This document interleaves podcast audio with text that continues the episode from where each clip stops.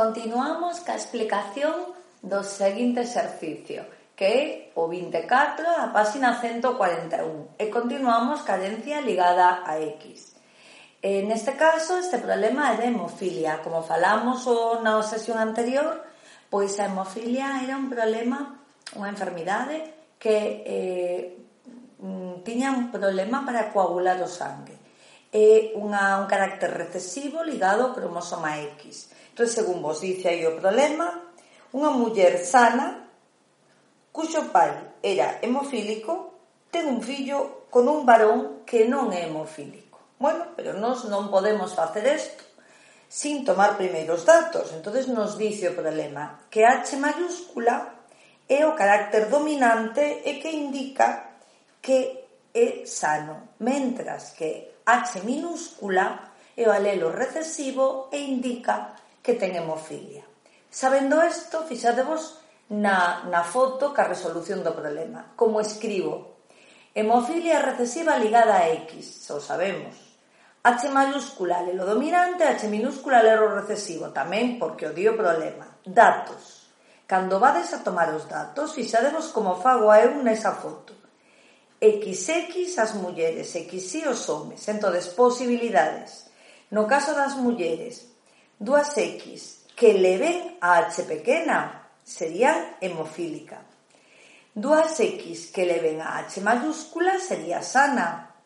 E se temos dúas X en unha a X mayús, a H mayúscula, perdón, en outra a H minúscula, sería sana, pero portadora, como vedes nos datos.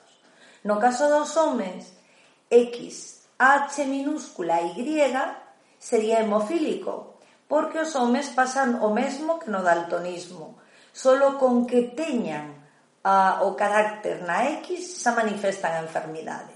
No caso dos homes sanos serían X, H mayúscula Y. Unha vez que teño tomado os datos, se si vos fixades son iguales que se toman no problema anterior, no daltonismo, plantexamos o problema. Entón nos dice, unha muller que non é hemofílica. Claro, non é hemofílica en contraste que tes dúas opcións.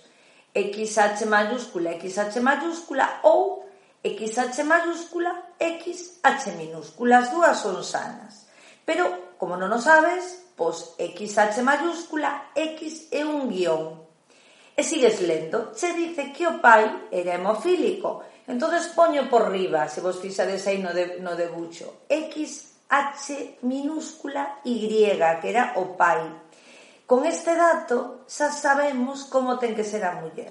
Se o pai era hemofílico, obligatoriamente ela ten que levar nunha das X a H minúscula, porque lembrade que no caso das mulleres unha X a reciben da nai e a outra a reciben do pai, e esta muller tivo que heredar a XH minúscula do seu pai que era hemofílico. Xa temos completado o xenotipo da muller. E o temos que cruzar cun home que non é hemofílico, polo tanto é sano. Vamos aos datos e os sanos son XH mayúscula Y. Facemos os gametos, como facemos sempre, unha X para cada gameto, a que leva H mayúscula ou a que leva H minúscula, e no caso dos homes, X, H maiúscula e a Y.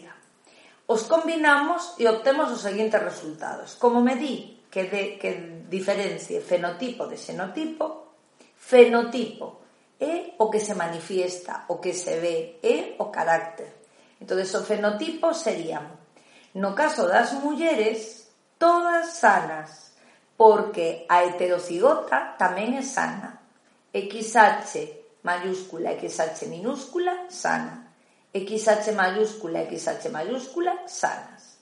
No caso dos homes, a mitade son sanos, XH mayúscula I, e a outra mitade son hemofílicos, XH minúscula I.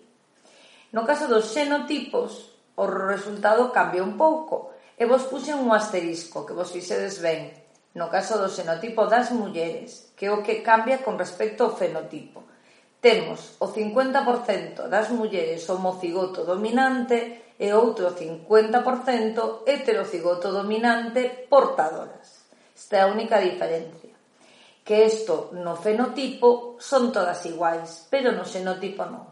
E no caso dos homes, a mitade son XHI, que sería, neste caso, o mocigoto dominante, e outro 50% mocigoto recesivo XH minúscula Y. Con isto rematamos e vamos a proseguir po próximo día facendo deste tipo de problemas a ver se os vades afianzando, vale? Bueno, eh, dúbida, por favor, formuládema ao correo ou a través do blog, como prefirades. Un saúdo.